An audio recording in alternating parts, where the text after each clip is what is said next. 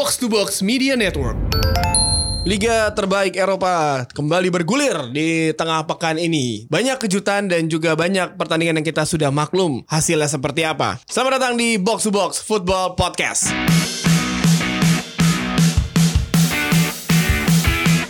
Selamat datang kembali di Box to Box Football Podcast di mana kemarin ada uh, gua Jalu dan juga Coach Jasin tapi di hari ini sedikit berbeda. Ada dua segmen. Segmen pertama kita ditemani oleh Coach Justin dan juga Dex. Nanti di segmen kedua ada- ada kejutan. Semoga beneran datang. Kalau nggak datang ya udah berarti cuma satu segmen. Berarti saya minta maaf. Kalau nggak datang udah biasa. iya, udah maklum ya, harap maklum. Apa kabar coach? Baik. Sehat nih. Dex, sehat Dex? Lumayan. Lo lagi sakit kan? Heeh, lagi sakit. Tapi yang pasti eh, Box to Box Football Podcast eksklusif hanya ada di Spotify. Keren ya. Jadi kalau kita ngelihat pertandingan kemarin kita sudah ngebahas pertandingan Premier League tapi di tengah pekan ini yang menarik adalah pertandingan dari Liga Champions Eropa. Kita tahu banyak pertandingan-pertandingan Cuma ada 1, 2, 3, 4 pertandingan di minggu ini Dan minggu depan juga ada 4 pertandingan lagi 16 besar Ya, ya. Dan di match day pertama Di eh, babak knockout ini Di babak 16 besar Ada sebuah pertandingan yang menurut saya ini eh menunjukkan bahwa Ed Woodward, Ed Woodward itu gobloknya setengah mati karena tidak bisa eh, mendatangkan pemain bocah ini ya, yang ternyata memang jago banget. Jago. ya. Erling Haaland, eh ngomongnya bener ya? Ngomongnya bener? Erling Haaland Harusnya iya. Harus Haaland kan? Haaland, Karena iya. ada yang Atau bilang- ada Holland Iya, atau iya, apa iya. yang Gue pas pas nonton Dortmund semalam sih beda kan? Holland. Holland kan? Holland. Iya, beda aja ya. Pokoknya Ya, ap- nggak- Ya, apa pun lah, yang penting Kalau kalah. Skandinavia gua angkat tangan. Ya, apa pun itu ya si Erling Haaland mencetak dua gol, cetak brace melawan eh, PSG Paris Saint-Germain. PSG berantakan di babak knockout bukanlah hal yang mengejutkan.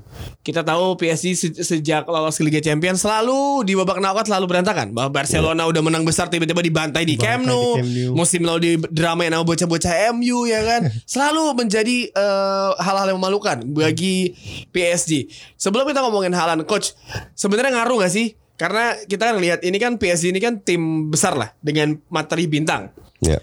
Dengan liga kualitas liga mereka. Sorry gue potong bentar. Itu bukan PSG, itu PSG. PSG, oke. Ini bukan klub Inggris. Oke, oke, oke, oke, di mana lagi? PSG, Paris Saint-Germain. Iya betul. Jadi eh PSG ini kan dengan materi pemain yang besar. Saya ya mentereng Iya, lah, iya, mentereng iya, lah. iya, iya. Apakah ngaruh gak sih Ligue 1 kualitas Ligue 1 dengan kualitas mereka di Liga Champions? Di Ligue 1 mereka tutup mata udah bisa menang 2-3-0 dengan mudah Iya, kan. iya. Tapi di Liga Champions ternyata selalu ketika babak knockout menjadi momok menakutkan bagi mereka. Apakah seberpengaruh itu gak sih liganya bagi si eh, PSG ini? Kalau pertanyaan lu ngaruh atau enggak, gue bilang sangat Hmm. berpengaruh. Kalau lu udah biasa makan jengkol, tiba-tiba lu disuruh makan steak, belum tentu lu menikmati juga kan. Iya, berarti dia Ngerti makan jengkol tiba-tiba lawan Dortmund makan steak. Wah, Iya. gak cocok. Nah, jadi sangat berpengaruh. Hmm. Cuman eh, karena kualitasnya bener-bener over, berlebihan banget, Hmm. jadi mereka tetap bisa ngelawan. Terus kembali ke match kemarin, kalau orang bilang PSG main jelek ya, gue nggak setuju. Gue Ya, nonton betul. match itu juga. Gue juga nonton. Iya, Nah. mereka main bagus. Bagus. Bahwa mereka kalah bukan berarti. Iya. Dan kalau bilang si Holland ini eh, pemain ber- luar biasa, gue bilang belum tentu. Berbakat iya, punya goal insting iya. Tapi kalau lihat kemarin dia bermain, terutama di babak pertama, itu butuh banyak peluang, ambil keputusan yang salah, lebih banyak otot daripada otak. That's okay. Ini karena nih bocah kan masih muda banget. Jadi butuh jam terbang lagi. Jadi kalau dia bilang sekarang apakah dia hebat belum tentu. Apakah dia bisa menjadi hebat? Bisa kalau diarahkan dengan benar, pilih klub yang benar di mana dia setiap minggu bermain. Dan sekarang sudah memilih klub yang benar nggak coach? Borussia Sekarang sudah. Dortmund. Udah sih. Iya Sudah, kan? ya. Lu, Ya, lu- bisa lu bisa setuju? bisa berkembang di Bundesliga sih. Emang Bundesliga apa pun kan- apa pun klubnya, terutama Iya. Dortmund ini. Bundesliga itu kan liga yang ramah bagi pemain asing Pemain dan pemain muda. muda. Dan pemain muda itu yang penting, pemain muda. Ya sama kayak Belanda lah Eredivisie. Pemain muda selalu bisa jadi starter if you're good enough. Ya, Soal tapi- pertanyaan kemarin juga gue juga pengen menekankan juga tadi emang bener sih Thomas Tuchel itu gak jelek-jelek amat soalnya dia biasanya kan main Tuchel. Thomas Tuchel. Dia kan biasanya main 4 back ya.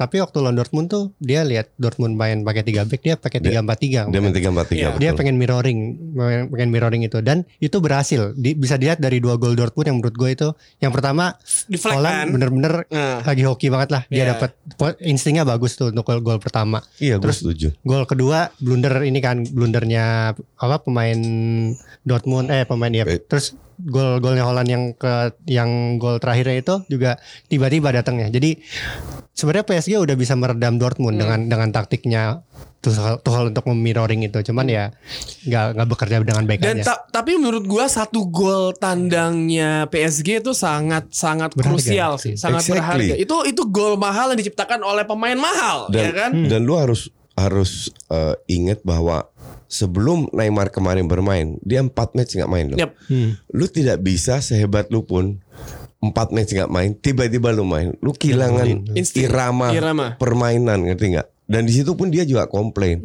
Nah nanti ketemu Dortmund di PSG kan sudah dapat kembali lagi tuh irama bermainnya. Gua harap sih apa namanya dalam hati gue, gua harap subjektif Dortmund yang lolos.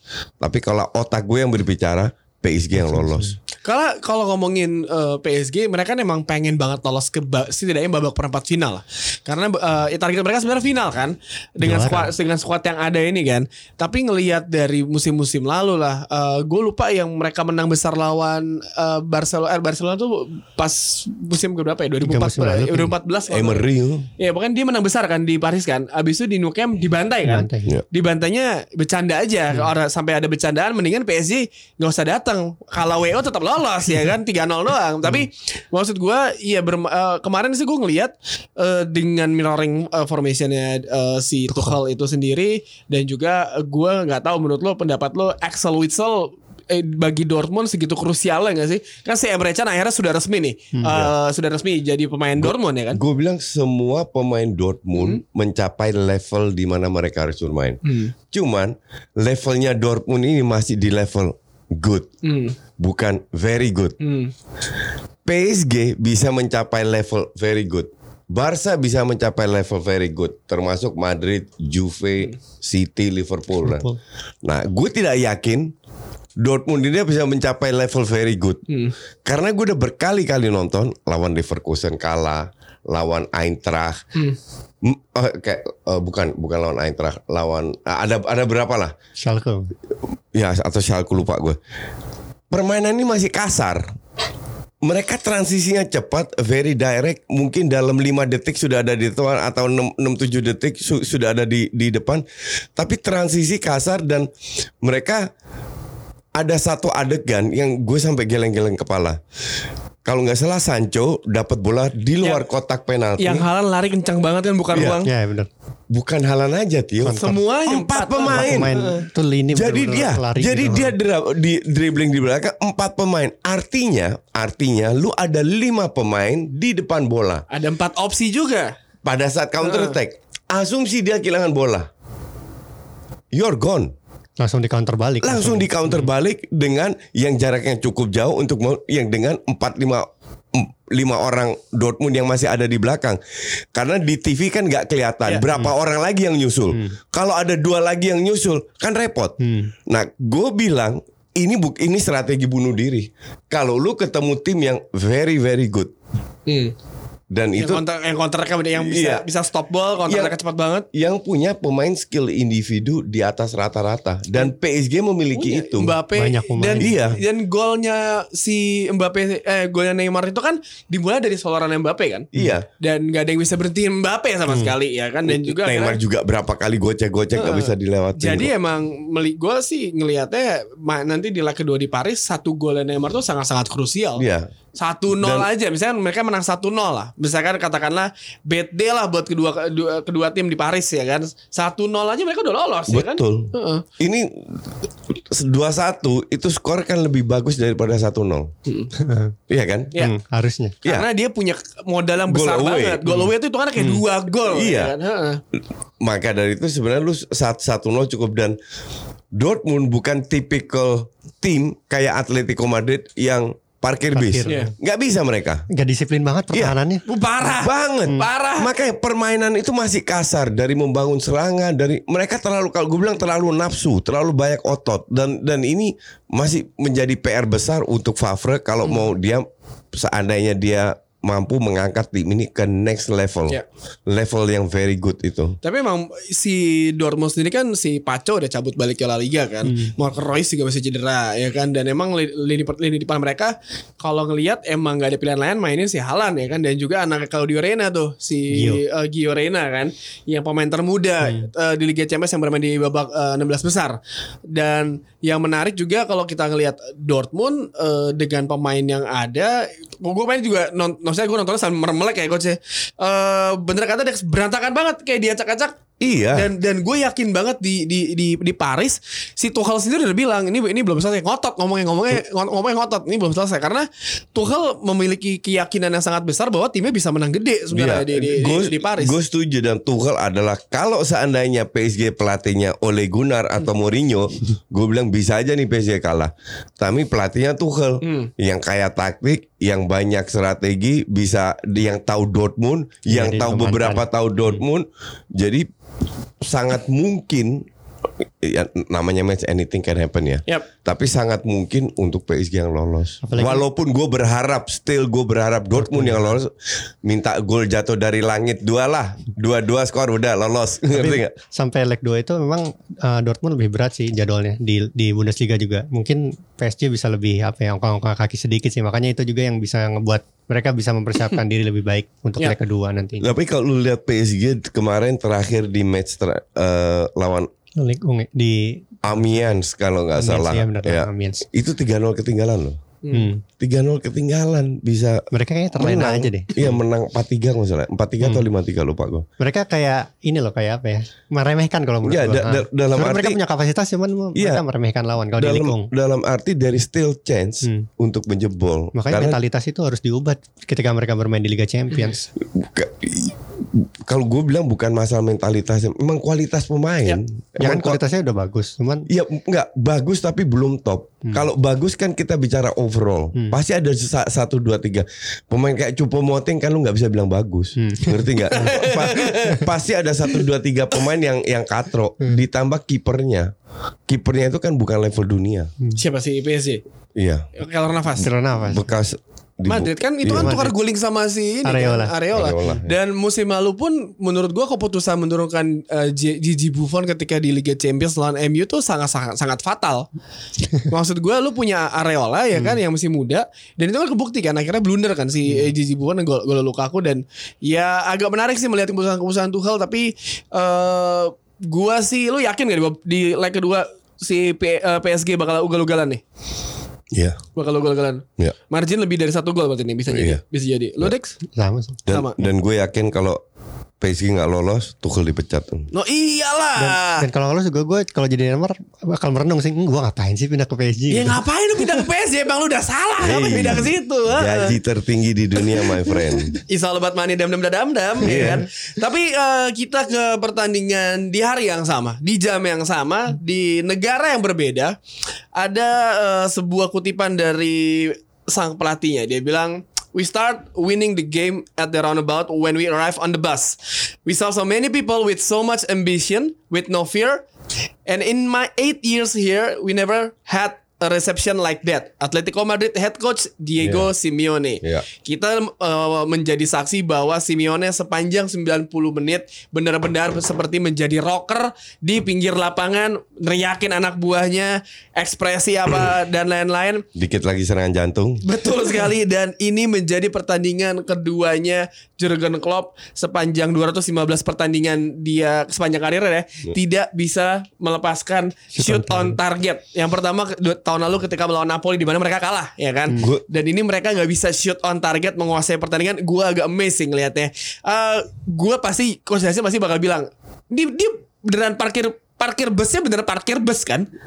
Pakai triple double decker. triple decker bukan double lagi, triple decker. Oke, se- sebelum ngomong apakah eh gue jujur gue nonton si Dortmund karena gue lebih pengen nonton Jadon Sancho sama si Haaland kan. Eh, apakah ketika Saul gol datang dari langit Saul melalui kakinya Fabinho ke Saul itu setelah gol itu apakah memang eh, eh, dari eh, kan itu baru 4 menit coach ya kita belum terlalu bisa melihat Ti- Tiga menit tiga something. menit apakah dia bisa benar-benar bertahan tapi setelah itu kan Atletico praktis ya udah mainnya Enggak. Sebenarnya setelah itu masih nyerang. Eh, Masih Morata, sempat Morata lah. 15 20 menit lah. Habis itu ya selesai udah. Habis Gu- itu- nggak tahu ya. Gue nggak tahu kenapa orang di seluruh dunia, di seluruh media yang gue baca begitu impress dengan pertandingan ini. Hmm. This is this is one of the most boring match yang gue pernah nonton. Seriously, ini cuma one way traffic. iya Dan gue tidak tahu kenapa orang terlalu berlebihan dengan Simeone. Bentar. Hmm. Kalau kita bicara particular death match, gue setuju. oke Defense-nya bagus. dead match Death Iya. match. iya Kalau kita lihat musim ini mereka berada ranking berapa sih? nah Nah itu dia makanya Mungkin. mereka lagi banyak dikritik Iya, sebenarnya iya, sebelum mungkin, Liverpool. Iya. iya, mungkin, mungkin. Eh, eh, eh, kenapa mereka bereaksi seperti itu? Karena dengan kritikan yang banyak, terus mereka bisa mengalahkan Liverpool. Kita bisa bilang salah satu klub terbaik lah di dunia saat ini Iya, ya kan, iya. dengan Juara bertahan dengan, juga. dengan iya, juara bertahan juga. Lu bisa mengalahkan 1-0 tanpa kebobolan di kandang. Itu kan Iya. satu hal yang yang poin yang plus ya kan. Ju- justru itu kan statement dari klub mediocre yang seolah-olah menang dari tim besar dan orang juga lupa pemain Liverpool ini bukan robot. Kedua, orang lupa bahwa permainan Liverpool musim ini tidak sebagus musim lalu. Hmm. Hanya Hoki. bukan. bukan, bukan. Eh, bukan hoki. kelemahan-kelemahan Liverpool tidak kelihatan karena mereka selalu menang. Iya. Mereka hanya sekali seri. Dan Kalau hoki that's part of the game lah. Iya. If you win hoki lah. Wa- walaupun lu bilang Liverpool kemarin eh, apa lawan namanya? Norwich. Ya bukan lawan Norwich ada. Lawan Aston Villa, Mere- Mereka dua- Sheffield 12 match cetak gol di atas menit 84. Oke, but still they win gitu loh. Imbang lawan MU. dan kemarin kebetulan tidak dapat celah. Memang harus diakui defense-nya ATM kemarin bagus. Tampil Spartan. Kalian masih ingat nggak tahun musim lalu ATM ketemu siapa? Pada saat mereka tidak lolos. Lupa ya. Juve kan? Juve ya. Juve. Di kandang unggul berapa? 2-0. di Turin. Di Turin di diobok-obok juga gitu. Da- dan main parkir bis juga. Ngerti nggak? Pernah nggak yang bisa cetak banyak gol di Anfield itu cuma satu klub, Arsenal. FA Cup walaupun yang main U23 tapi tapi atau League Cup kan 5-5 skornya. tapi tapi kalau gua pribadi ya berkaca dari musim lalu apa yang dilakukan oleh Liverpool kepada Barcelona ya kan? Eh gua inget banget ekspresinya Messi ketika do- de, apa eh, Dembele di menit akhir nggak bisa nyetak gol keempat. Bagi Barcelona ingat ya? Kayak Messi kayak anjing lo ya ini di Anfield habis ini nih. Dan ternyata mimpi buruknya Messi benar-benar kejadian di Terbukti. Anfield 4-0 ya kan? Kelar hidup lu. Ya tapi kalau lihat go, 4 golnya Liverpool di lawan Barcelona itu dua gol ajaib itu. Iya. Kayak corner kayak, kayak- kayak gila gol kayak gitu kan harusnya nggak boleh terjadi. Itu kayak lengah it, udah yeah, kayak- it happens. It happens dengan tim yang juara memang butuh luck seperti itu. intrik-intrik sih dan dan bermain di Anfield bukan hal yang mudah. Eh, Klopp udah bilang kita tunggu di Anfield. Ah, Orang-orang gue siap nih. Ah. My people, my Just- people asli. Justru gue bilang Klopp harus merubah strateginya. Nah, gue setuju sama Coach Yasin. Liverpool uh, Klopp ini tipikal pelatih yang selalu menggunakan pemain yang sama sepanjang musim loh. Hmm. Lo jarang lihat siapa penggantinya tren. Karena nggak ada yang cedera Iya, juga, iya, nyaris, nyaris. nyaris, nyaris tidak ada yang Bahkan cedera. melawan tim apa pun dia selalu kecuali Piala FA kemarin ya sama Piala Liga itu emang eh, emang udah karena dia masih main di Piala Dunia antar klub habis itu eh, liburan ya kan klub lebih lebih lebih, lebih peduli itu. Tapi sepanjang itu musim mereka tuh sama semua. Ini kayak gue sih melihatnya eh, Liverpool seperti satu orkestra besar dan ketika salah satu oh, anggota orkestranya rusak itu akan menjadi suara yang sumbang. Seperti sekarang kan Sadio Mane nih. Uh, uh, Jordan Henderson juga ditarik kan cedera kan. Tio, Wong lawan Norwich ranking 20 aja full tim Nah itu minus itu, Mane. Nah itu banyak mendapatkan kritikan ketika lu menurunkan tim full squad lo, lu mau main di Liga Champions. Ta- tapi keteteran loh lawan Nah. Norwich. Norwich gitu kan. Kalau gue lihat ini Rafa Benitez baru nulis di Atletik soalnya dia dia justru berpendapat yang berkebalikan dengan lo ya. Dia bilang biasanya tim besar itu punya satu dua pemain utama yang pemain jagoan yang intinya one atau two man club lah. Nah, Hmm. Liverpool musim ini tuh enggak katanya. Dia berhasil bermain sebagai unit. Betul, betul. Makanya tadi tadi itu juga yang lo bilang mereka bermain bersama-sama terus. Iya. Si Klopp memang menjaga itu terus untuk untuk untuk selalu terjadi gitu. Se- selama nggak ada yang cedera nggak sih nggak masalah, nggak ada ada kondisinya juga. Yang paling sering Cuman- nih, sorry ya gue potong. Yang paling sering ganti kan eh, partnernya Van Dijk kan? Iya. Iya, kan? iya. Kalau Joe Sama, teng- Gomez sama Gomez. tengah. Tengah tuh karena Ke- emang dia kecuali rotasi Henderson, aja. yang lain dirotasi. Nah, Hendo itu kan akhirnya eh, menjadi bagus ketika posisinya bu- bukan jadi gelandang sentral lagi kan, agak ke kanan. kan? Iya, agak kanan, Eh, betul. eh, eh. Kalau khusus lawan Atletico kemarin sih game kalau football itu kan game of coincidence ya. Nah kebetulan kemarin coincidence itu bukan punya Liverpool. Bahkan gol menit ketiga itu aja kebetulan Beruntung banget itu kebetulan banget. banget. Ya kan kalau kata Justin eh, gol datang dari tuh dari langit Iya, jatuh dari langit. Terus Terus- Fabinho bisa bengong gitu. Terus rapat-rapatnya pertahanan Atletico Liverpool juga tetap bisa menembus meskipun tendangannya nggak on target. Iya. Nah, gue melihat uh, Atletico bermain seperti itu akan akan sangat melelahkan. Gua gua nggak yakin mereka bisa mengulanginya lagi di Anfield. Dan- Apalagi kalau kita ngelihat juga kalau di Liga Champions main dua leg kan kayak kasusnya kemarin Spurs lawan Man City musim lalu misalkan. Hmm. Itu gue ingat banget di leg kedua Spurs ada meme-nya lucu. Spurs bisa kalah, imbang dan menang dalam waktu bersamaan yang kalah 4-3, iya, iya, iya. imbang agregat. Karena gini, karena gini. eh mereka kan bermain bukan langsung minggu depan. Dua minggu lagi Dua kan, minggu main lagi, kan. Dan suasananya pasti sudah ber- berbeda. Moodnya sudah berbeda kan. Gini deh, ka- kalau orang mengambil match kemarin itu sebagai sebuah parameter Hmm. atau standar, pertanyaan gua adalah Simeone di ATM sudah 8 tahun, kan? 8 tahun. Hmm. 8 tahun. Berapa trofi yang dia dapat? Satu La Liga, La Liga. satu CDR, mungkin sihnya piala, piala, piala Ciki. Sisanya finalis Final. Liga Champions. Iya. Still lu nggak menang kan? Hmm. Katanya ber- bertahan full parkir base efektif. Kan nggak selalu. Tapi Justru gue bilang kalau efektif harusnya dia berapa kali juara di La Liga karena La Liga kan panjang, Ya. banyak matchnya, ya kan? Nggak juga sekali doang. Ngerti nggak? Jadi sehebat apa taktik parkir bis itu? Ya. Tapi gue eh, ingat Justin yang kita kemarin ngomong aja lu yang lu bilang, nah ini Liverpool bisa diobok-obok nih sama sama sama sama bisa kalah sama Atletico dan ternyata memang kalah walaupun kita bisa bilang ag- satu. ugly win lah, Kan. ugly win. Karena Liverpool sering kalah away Iya dia di bermasalah. Champions League.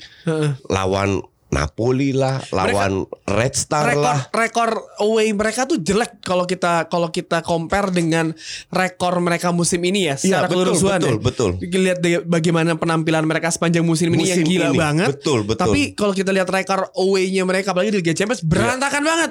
At Napoli ya kan lagi-lagi tuh.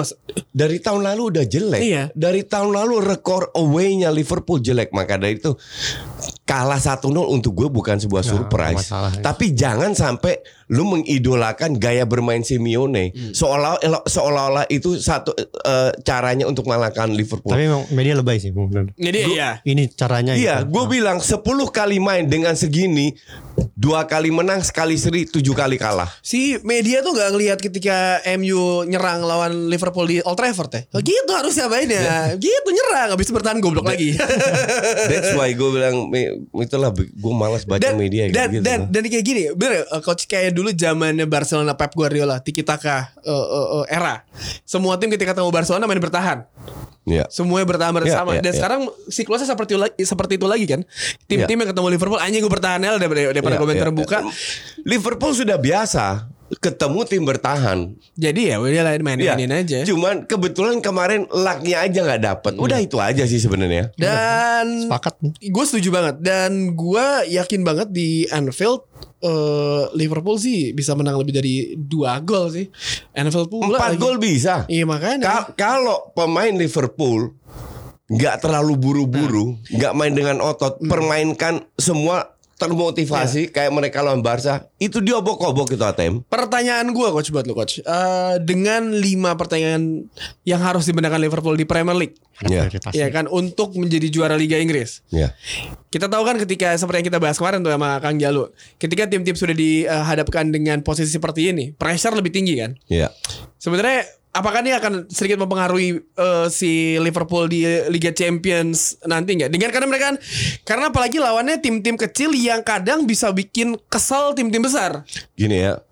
lu kalau udah 30 tahun nggak juara, lu kan bener. Ya Lu bener. kalau udah 30 tahun nggak juara, lu tidak membiarkan faktor coincidence Hmm. itu berpengaruh. Apalagi sudah pernah terjadi ketika Steven Gerrard terpleset. Iya, dan itu itu tidak akan terjadi. Mungkin dari lima match sekali seri. Itu mainnya mungkin suwe banget.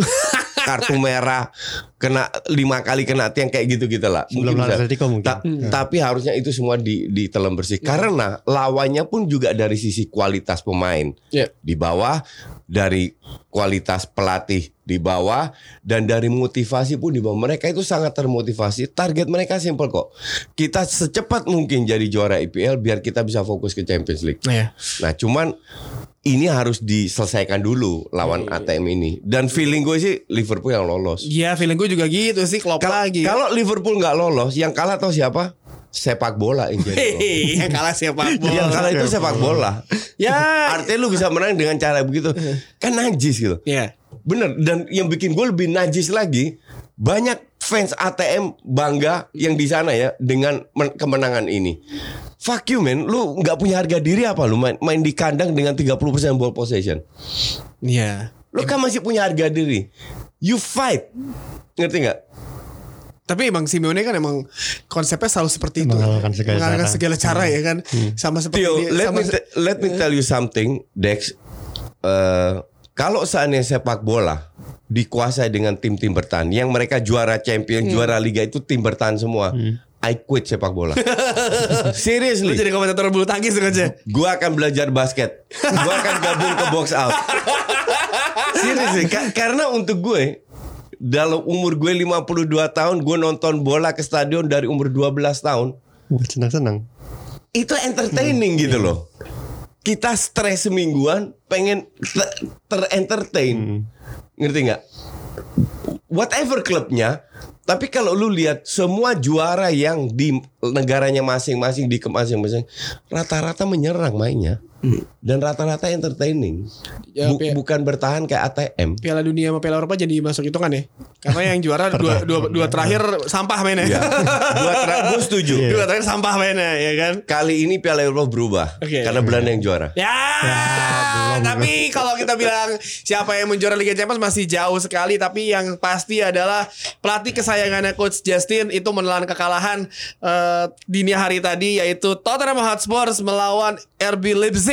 Kita tahu Nagelsmann akhirnya menjadi pelatih termuda yang pernah menang di fase knockout. Waktu dan tempat saya persilakan bagi Coach Justin untuk berkomentar tentang pertandingan Spurs semalam. gini gini. Kalau Spurs eh, kalah itu bukan hal yang baru. Karena tahun lalu kalah juga lawan Ajax. Jangan, ya kan? iya, benar. Oke. Cuman Spurs yang tahun lalu tidak bisa dibandingkan dengan Spurs ini. Right? Bener-bener bumi dan langit. Dan gue belum pernah lihat Spurs separah eh, di bawah Mourinho ini. Entah itu di liga, entah itu di sini. Kan gue kemarin siaran juga. Ya, ya, ya. Dan, Spurs. dan, dan gue ingat ketika Mourinho masuk ke Spurs, semua orang pada semangat, oh ini mau diapain ya Spurs sama dia kan? Iya. Dan dan ternyata gue yang bener karena udah bertahun-tahun gue bilang ini pelatih miskin taktik dan terbukti. Balik lagi ke gitu lagi ya? Iya.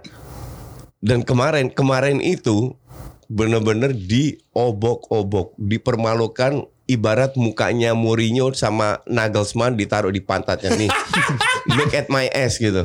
Gue gue kesel ada yang bilang Nagelsmann apa Mourinho baru padahal beda Min- banget mini kayak mainnya. Mourinho, Iya, mini Mourinho Mourinho. itu, Itu beda itu banget. tim Wise yang bilang. Nih, nih, si- siapa yang bilang? Tim Wise apa uh, asisten pelatih di ini di Hoffenheim.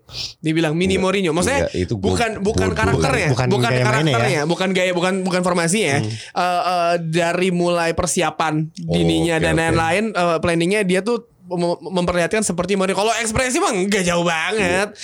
Dari segala segi jauh. Kelakuannya juga lebih santun. Iya, Heeh. jauh lebih santun. Itu bener- bener-bener Tio, kalau kemarin ngelihat Spurs dipermalukan, kalau lu pengen lihat Spurs dipermalukan, nah itu match kemarin. Iya.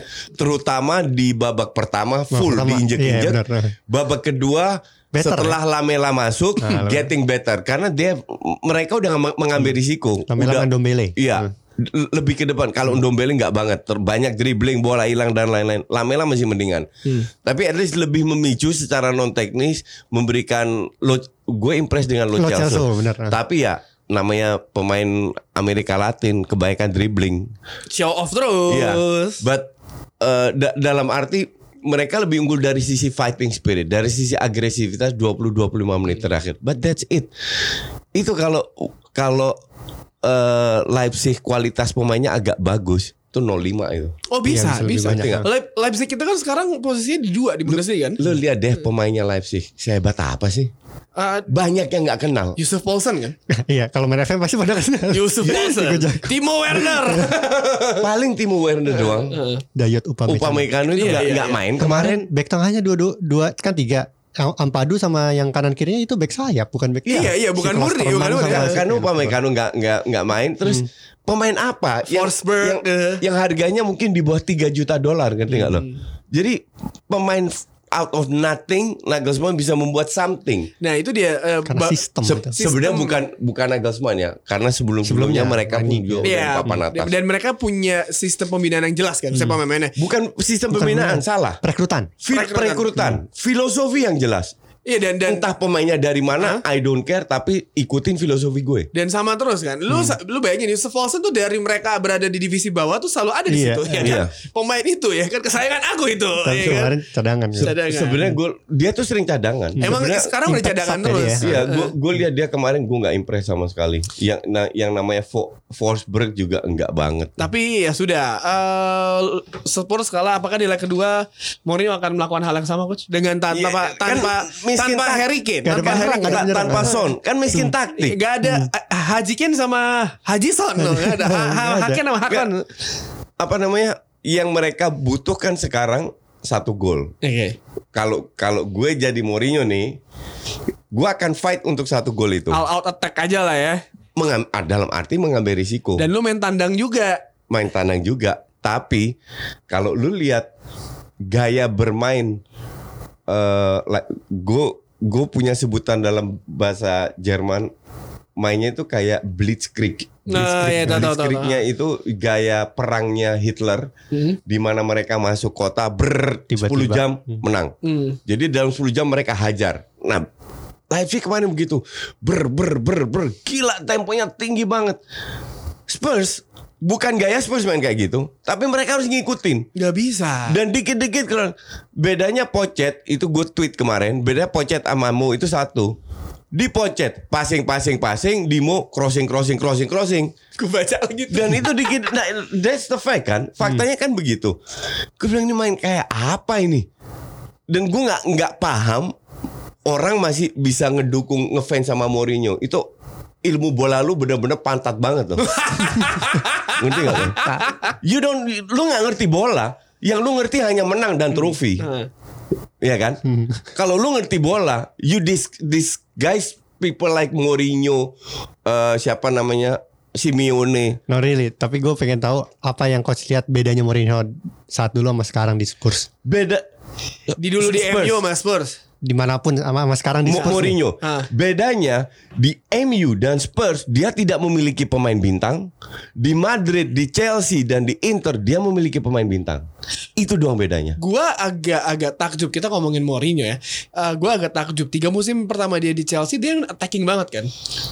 Drogba Lu udah tahu pemain Chelsea kayak apa kan? Iya iya. Waktu itu. Iya saat itu kan pas dia- Terry, pas dia datang- Lampard, dia Drogba.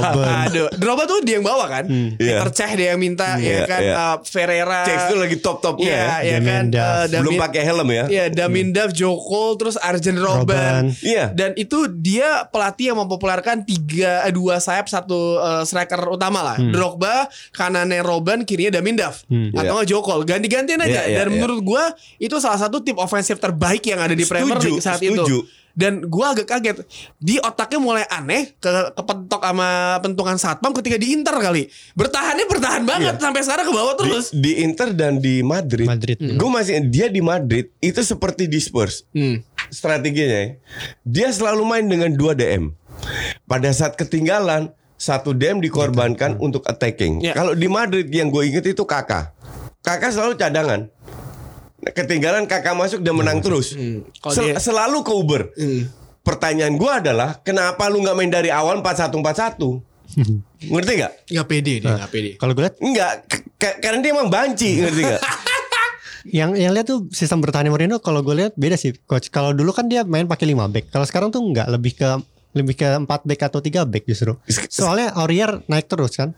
Makanya di situ mereka kekurangan pemain terus rasanya, Se- persepsinya. Sekarang 10 back kalau perlu dia dia mainkan lu kalau berdasarkan match kemarin kan mereka ketinggalan. Lo semua Kan mereka ketinggalan. semua nggak sadar. Mourinho itu, Iya. Mourinho itu kehilangan satu pemain kuncian dia kalau mencetak gol di menit 90 91. Marwan Fellaini. Ka- kalau iya bener. kalaupun kalaupun Aurier dan eh, Ben Davis, Davis. sering naik, itu dua DM-nya kan turun ngebantu. Enggak Ben Davis justru jarang naik, Aurier yang naik. Makanya Ya, atau tuh tiga atau kalau gitu. salah, at least sangat defensif lah. Kan emang filosofi dia ada begitu. Dia membuat sebuah strategi berdasarkan dasarnya dia, dia itu defense. Kalau Klopp, Pep, bahkan Ferguson juga dasarnya itu attacking. Yang nggak punya dasar tuh cuma Ole Gunnar Solskjaer. Gue nggak tahu dia latihan apaan.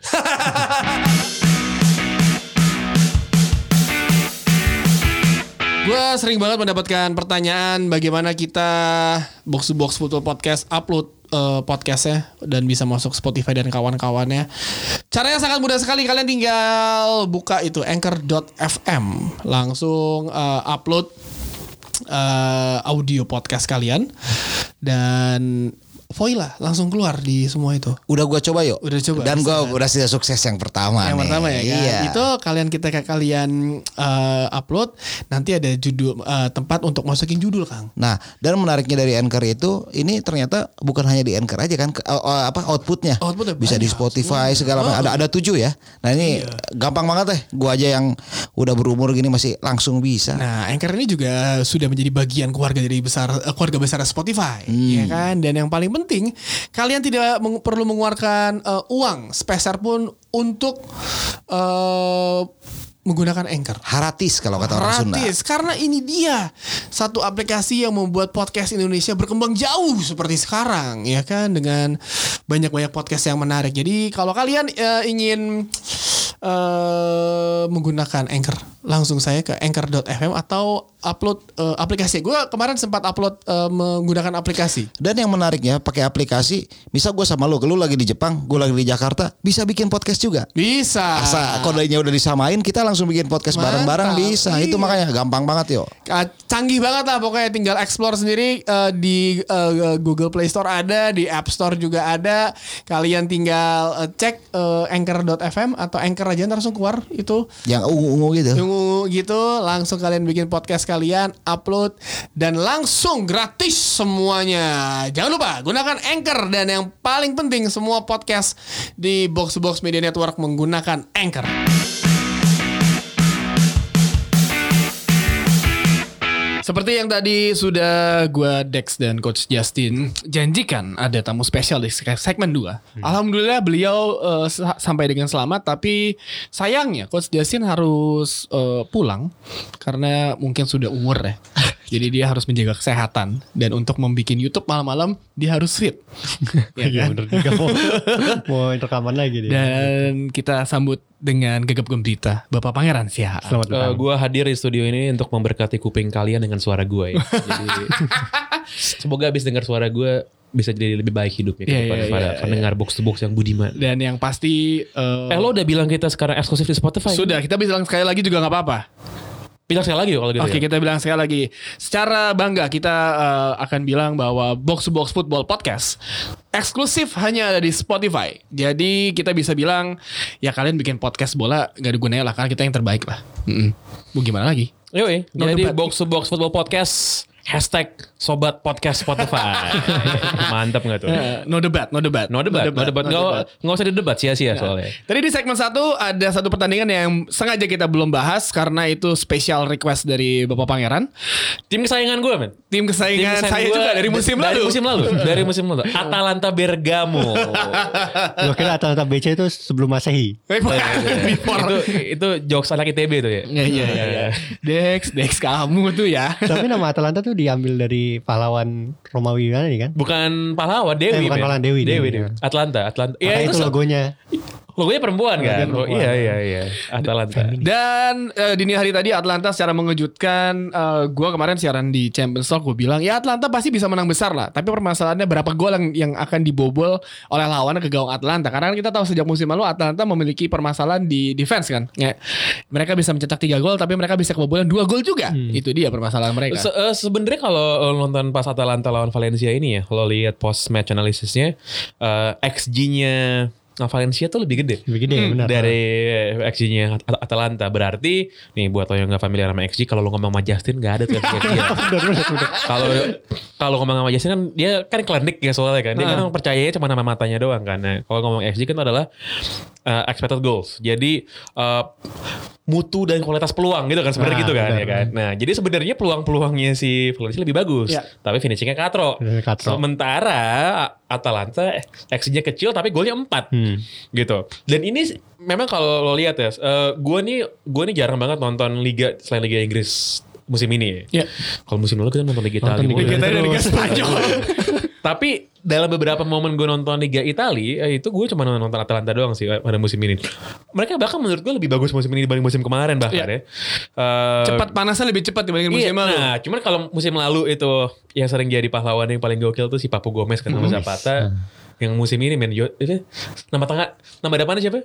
Yang mana? Ilicic bukan? Ya Ilicic. Josep Ilicic Josep. Josep Ilicic Hmm. itu gila men, musim ini tuh gila bener-bener gila nih orang mainnya. Dia Eh, dia itu di Liga Champions pemain yang paling sering dilanggar Hmm. Sepanjang uh, babak fase grup di uh, uh, attacking third lawannya. Dan yang lebih gokil dari ini ya, yang lebih gokil dari Atalanta adalah ini tim yang kalah di tiga pertandingan pertama di babak penyisihan Champions. League. Dan semua orang bilang nggak bakal lolos nih tim gitu kan. Terus mereka lolos dan lolosnya gokil gitu kan mereka ngalahin Man City kan. Hmm. Iya kan? Imbang lawan Eh, imbang, City. imbang, imbang, imbang, lawan satu. City. Imbang Man City. Ya agak terbantu sih dengan apa yang terjadi di tempat lain juga sehingga mereka bisa lolos. Tapi pas mereka lolos ketemunya Valencia, gue udah mikir ah nih pasti masuk perempat final nih. Bener kan menangnya 4-1 mainnya di di San Siro. Mainnya di Inter nggak lolos. padahal. Inter nggak lolos padahal. Yang seragamnya sama. Seragamnya sama, sama-sama Nerazzurri kan dan nggak lolos. Ini adalah kemenangan tim Italia pertama di babak knockout Kenapa tuh? knockout Champions League sejak 2013 itu terakhir Milan lawan Bayern kalau nggak salah. Dan si Atlanta sendiri kan di Serie A lagi bagus grafiknya kan. Peringkat Iya, empat. Urutan 4 habis Peringkat menang empat. lawan At- Roma, imbang lawan Genoa, mereka ngebantai Torino 7-0. Mereka jadi kesebelasan yang paling banyak mencetak gol di Serie A melebihi Juventus. Dari musim lalu Musim gitu. lalu juga kayak musim gitu. lalu itu. Cuman memang mereka kebobolannya lumayan banyak sih 32 Itu dia. kali. itu dia, itu dia. Cuman emang Makanya menghibur sebenarnya nonton Atlanta. Gian. Gian Piero Gasperini itu orang gila men. Lo kalau lihat pas lawan Valencia, again lo lihat di post match analysis ya, itu waktu Valencia nyerang-nyerang mulu. Lo tau gak dia ngapain? Narik back keluar men. Masuk ke striker lagi. Ini orang gila beneran. Anjing gue diserang gue harus gue bales nih kan. Gokil nih orang gila banget dan sebenarnya si siapa sih Gian Piero Gasperini ini kan pelatih yang sebenarnya terakhir kali dia dikasih megang tim bagus, megang Inter dia kan pernah megang Inter Inter, ya. kan. Cuma Dan- semusim, eh enggak sampai semusim. Nggak nyampe semua jelek Berapa, banget. Lima jelek atau enam banget. pertandingan Iya. gitu. Dan dia ngotot main 3-4-3 kan di Hmm. situ kan. Tapi memang di Atalanta ini dia bisa nemuin identitinya, DNA-nya bagus banget dan pemain-pemainnya juga oke-oke sih. Dia punya dia apa, punya finisher, dia punya playmaker, Iya. dia punya dia punya gelandang tengah yang menurut gue lo tau Martin Deron kan? Iya. Itu dia. Itu salah satu pemain bola dengan akun Twitter paling lucu. Ah iya benar. Iya, iya, Itu iya, iya, lucu iya, banget. iya. akun Twitter Martin Deron gitu Sering kan. ngebanter Dia gitu lagi. bener-bener self deprecating gitu kan. Eh, dulu main di Boro men. Hmm, Iya, main di di Boro sekarang main di Champions League sama kayak Martin. Pindah ke Barcelona tuh. Itu main di Boro juga dulu. Iya, main di iya, Boro iya. sekarang pindah ke Barcelona gitu. Dan yang seru dari si Atalanta ini kan dia main di San Siro karena stadionnya cuma muat 16 ribu. Gak sesuai dengan Iya. UEFA ya lah. Iya, dia main dia main dia main di San Siro bawa penonton 40 ribu. Kota Bergamo itu penduduknya 144 ribu, jadi kurang lebih 30 persenan tuh ada di San Siro Di gitu. Milan. Ada di Milan. Dan yang lucu adalah eh, wali kota Bergamo nih, mana tadi gue, ah nih, wali kota Bergamo nih Giorgio Gori namanya, dia ngepost surat dari seorang ayah kepada sekolah anaknya. Hmm. Dia bilang, "Eh, kami memberitahu bahwa pada eh, siang hari ini Eduardo nama anaknya akan absen dari sekolah karena alasan kultur dan sejarah. Asik, asik. Dia akan mengalami merasakan langsung bersama ayahnya satu lembar dalam sejarah kota Bergamo. Forza Atalanta keren banget. keren gila. gitu dan dan dan dan lo kalau lo lihat sejarahnya Champions League ya dalam iya sejak berubah jadi Champions League lah. Dari lo awal pertama kali nonton bola gitu, emang selalu ada unlikely run gitu kan Ada. dari tim-tim yang secara historis mungkin nggak punya sejarah panjang di Champions League. Mungkin nggak sampai juara juga dan belum pernah ada juara juga sih. Porto, sebenarnya. Porto. Iya Porto udah pernah juara tahun 87 ya. Mentok, iya. mentok Udah pernah juara. Leeds nggak? Leeds masuk semifinal kan? Leeds, Leeds udah pernah masuk final sebelumnya. Oh, iya. Kalah sama siapa? Kalah sama Bayern dulu. Valencia. Enggak, enggak ya, iya enggak maksudnya pas, Oh, pas tahun dulunya. 70-an tuh zaman Don Revy dia pernah masuk final juga tapi kalah. Bayern. Nah, cuman kayak ada tim-tim kayak lo ingat gak sih dulu Apol Nicosia tuh masuk Oh iya iya, iya. Last 16, Apol. Apol, Apol. Apol Nicosia masuk Apol. kelas 16 men. Apol Nicosia gitu.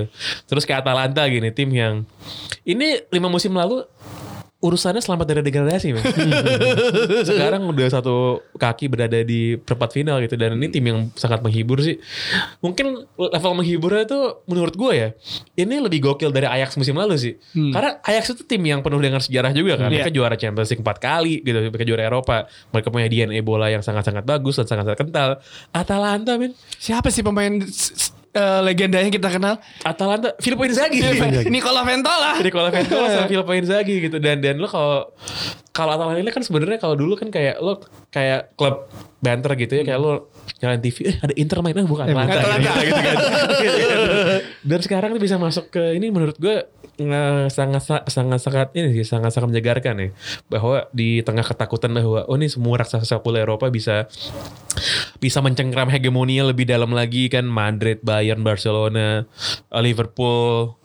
Terus ada tim seperti Atalanta atau juga seperti Leipzig, Leipzig, gitu. ya. Walaupun Leipzig kan juga kontroversial ya karena Yeah. dia didukung oleh Red Bull. Tapi tetap di sini ada tim-tim baru yang bisa yang bisa mengganggu tuh menurut gue Menyenangkan. menurut gue sih menyenangkan untuk dilihat gitu.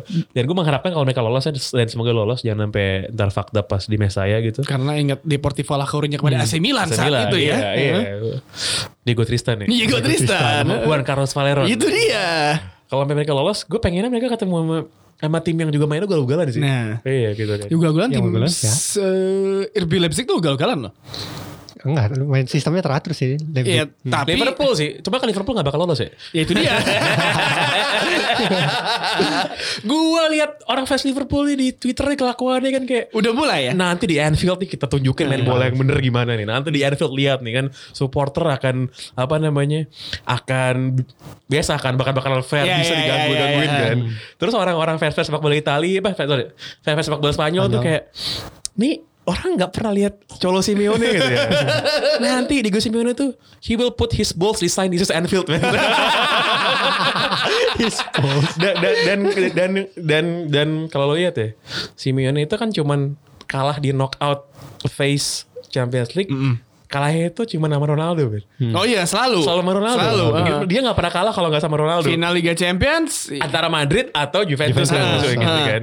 Dan lo lihatnya jumlah kebobolannya Simeone di knockout phase Champions League itu lo lihat dia cuma kebobolan 2 apa 3 gitu. Dalam berapa belas pertandingan terakhir jadi kayak kayak 0 0 0 0 0 1 0 0 0 1 1 0 pokoknya gitu-gitu sih. Dan emang ya gimana Atletico mainnya emang gitu sih. Emang selalu seperti itu kan. Dan kemarin lawan si eh, eh, Liverpool, Justin juga bilang defense-nya bagus banget. Tapi di Anfield mungkin bisa berubah. Saya iya ingat eh, musim lalu di eh, Liverpool lawan Barcelona seperti apa kan. Tapi di di Gue Simeone sepanjang sepanjang pertandingan dia ekspresif kan itu di pinggir lapangan. Katanya kalau ada heat map ada heat map, kan ada heat map. merah banget gitu ya. sama apa heat map yang di technical area-nya cuma 2% katanya. Sisanya di luar technical area. Karena dia gak, mau- gak mau di dalam situ. Langsung ekspresif banget ya kan. Dia menghalalkan segala cara. Iya. Seperti di, seperti dia yang dilakukan kepada David Beckham kan 98 ya kan. Dan Atletico ini nanti kalau dia lolos ya lolos ya misalnya ketemu Atalanta dia kembali bisa jadi party pooper sih. Kayak dulu Leicester kan Ya. kalahnya Oh, sama iya, Atletico kan. Atletico. kalahnya sama Atletico gitu. Nah balik lagi ke Atalanta eh mereka ada di peringkat 4 di Serie A. Agak jauh sih mau ke atas. Tapi ke bawah juga mereka udah bikin jarak gara-gara menang kemarin kan. Dan kalau mereka masuk ke Champions League lagi gitu gara-gara gara-gara empat besar tuh gokil sih. Uangnya banyak dan mereka bisa reinvesting yang lumayan oke. Dan harusnya dalam beberapa tahun ke depan sih selama mereka nggak ini ya selama mereka nggak mengikuti jejaknya Leeds gitu yang Mismanagement. yang ugal-ugalan spendingnya sampai nggak ngukur finance dan pada akhirnya bangkrut sih harusnya mereka oke-oke aja sih ini tim yang buat gue lo nggak mungkin nggak suka sih kalau nonton mereka main sih mereka mainnya pressing, high pressing banget, cuman High main main, banget, main oriented banget gitu. Jadi posisinya tuh nggak teratur gitu loh di lapangan. Iya iya iya. Loh ini kok back udah di sini, loh ini back bener. tengah udah di Ih, sini Hatebur gitu. bisa dua gol tuh apa Iya, aja. Bisa dua Dia gol. back kanan. Back sayap. Back sayap, kanan. pemain back kanan deh ah. kan iya. Makanya gokil sih. Terus Da- juga dia punya dua pemain yang jadi dribble sukses terbanyak di Eropa lima besar. Si siapa tadi? Si Gomez sama si Papu yang Gomez. yang yang Josip golin siapa? Pemain Swiss. Freuler siapa? Freuler. Freuler ya. Freuler. Oh, oke. Gue suka banget sama si Papa Gomez ya. Sayangnya dia udah 30-an umurnya. Ini ini menurut Toku ya kan. menurut gue magician sih.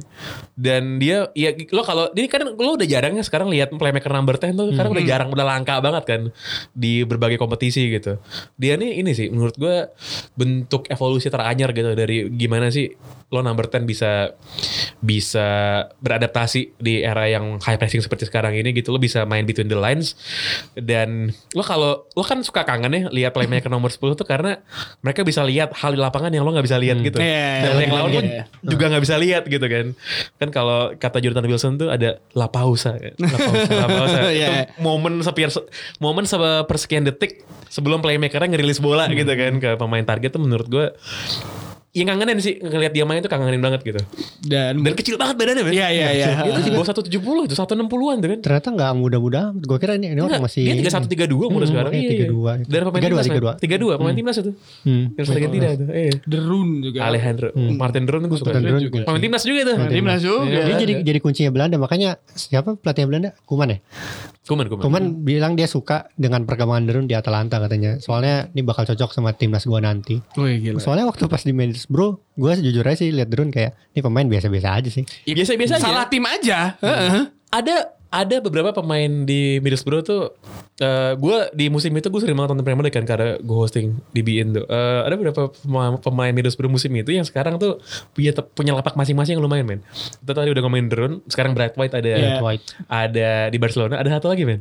Pem- waktu itu dia pemain cadangan bakal jarang dimainin. Hmm. Siapa Ada dia? Matraore men. Oh iya. Ada Matraore itu dulu tuh pemain Cadangan. Pemain dia, dia tuh dari Barcelona ke ini. Eh Di- bukan ya? Dia sempat em, ya pindah-pindah klub lah akhirnya Iya, iya. ke Middlesbrough, Nah, habis itu iya. sempat di Champions Division kan. Nah dia tuh bareng sama Boro pas di ini, pas di championship tuh juga. Dan dia tuh emang udah kenceng banget, walaupun badannya belum segede sekarang. Iya. belum gede banget. Sekarang tuh buset. Semoga nggak segede siapa tuh Ade Akinbi ya? siapa? Ade bukan, Bukan, Ade? Bayu Akin Venua. Iya, yang yang gede banget Ya, yang udah gede gue aja dia udah gede banget badannya si si siapa namanya si Adama Adama. Traore dan siapa yang kemarin bilang oh gue denger di podcast mana gitu eh, di podcast luar di hmm, totally kalau nggak salah pada Traore speednya kan kalau di FIFA tuh gede banget kayak 90 Iya, berapa iya, ya iya. iya kan Sama powernya juga kan. Iya, Strength-nya? Enggak, enggak, strength-nya tuh gak gede. Strength-nya gak gede. Strength-nya kalau yang biasa ya, strength-nya gak gede. Strength-nya Oh, cuma yang- 73 apa? yang bukan FUT ya? Iya, lu kayak, ah lu gila apa ada materai badan segede gini cuma 73 gitu ya. Itu belum diupdate soalnya ya. Jadi gitu sih. Jadi kayak gue mengharapkan Atalanta baik lagi nih. Gue mengharapkan Atalanta, Atalanta bisa melaju sejauh-jauhnya. Saya juga sama. Biasanya kalau tim-tim gitu stopnya di semifinal soalnya. Iya, karena Iya, iya, iya kan selalu gitu kan. mentok mentok di semifinal karena Tim-tim kayak Monaco tuh jarang masih sampai final tuh kan. Nah, Iya, jadi mentoknya semifinal mentok lah karena kita lihat di eh, tim-tim lain pun eh, kita belum lihat Juve main kan. Belum. Juve, Memang Bayern Munchen juga belum. pertandingan lagi. Iya kan Real Madrid juga belum kan. Jadi siapa pun lawannya tapi dengan gol 4 gol sih agak susah dikejar di Mestalla sih. Harusnya. Tapi kan ini ada away goal satu. Satu, tapi marginnya goal. tiga yang bisa dikejar Iya, sama iya, mereka Emang agak PR sih. Beda sama si Dortmund sama si eh, PSG. Ya kan marginnya satu gol doang, ag- agak gampang untuk Liverpool dikejar. Liverpool juga. PSG cuma oh, cuma satu ya? Satu, dua satu. Oh, tapi si itu krusial Erling banget kan. Haaland. Heeh. Anjing, tuh orang gila ya.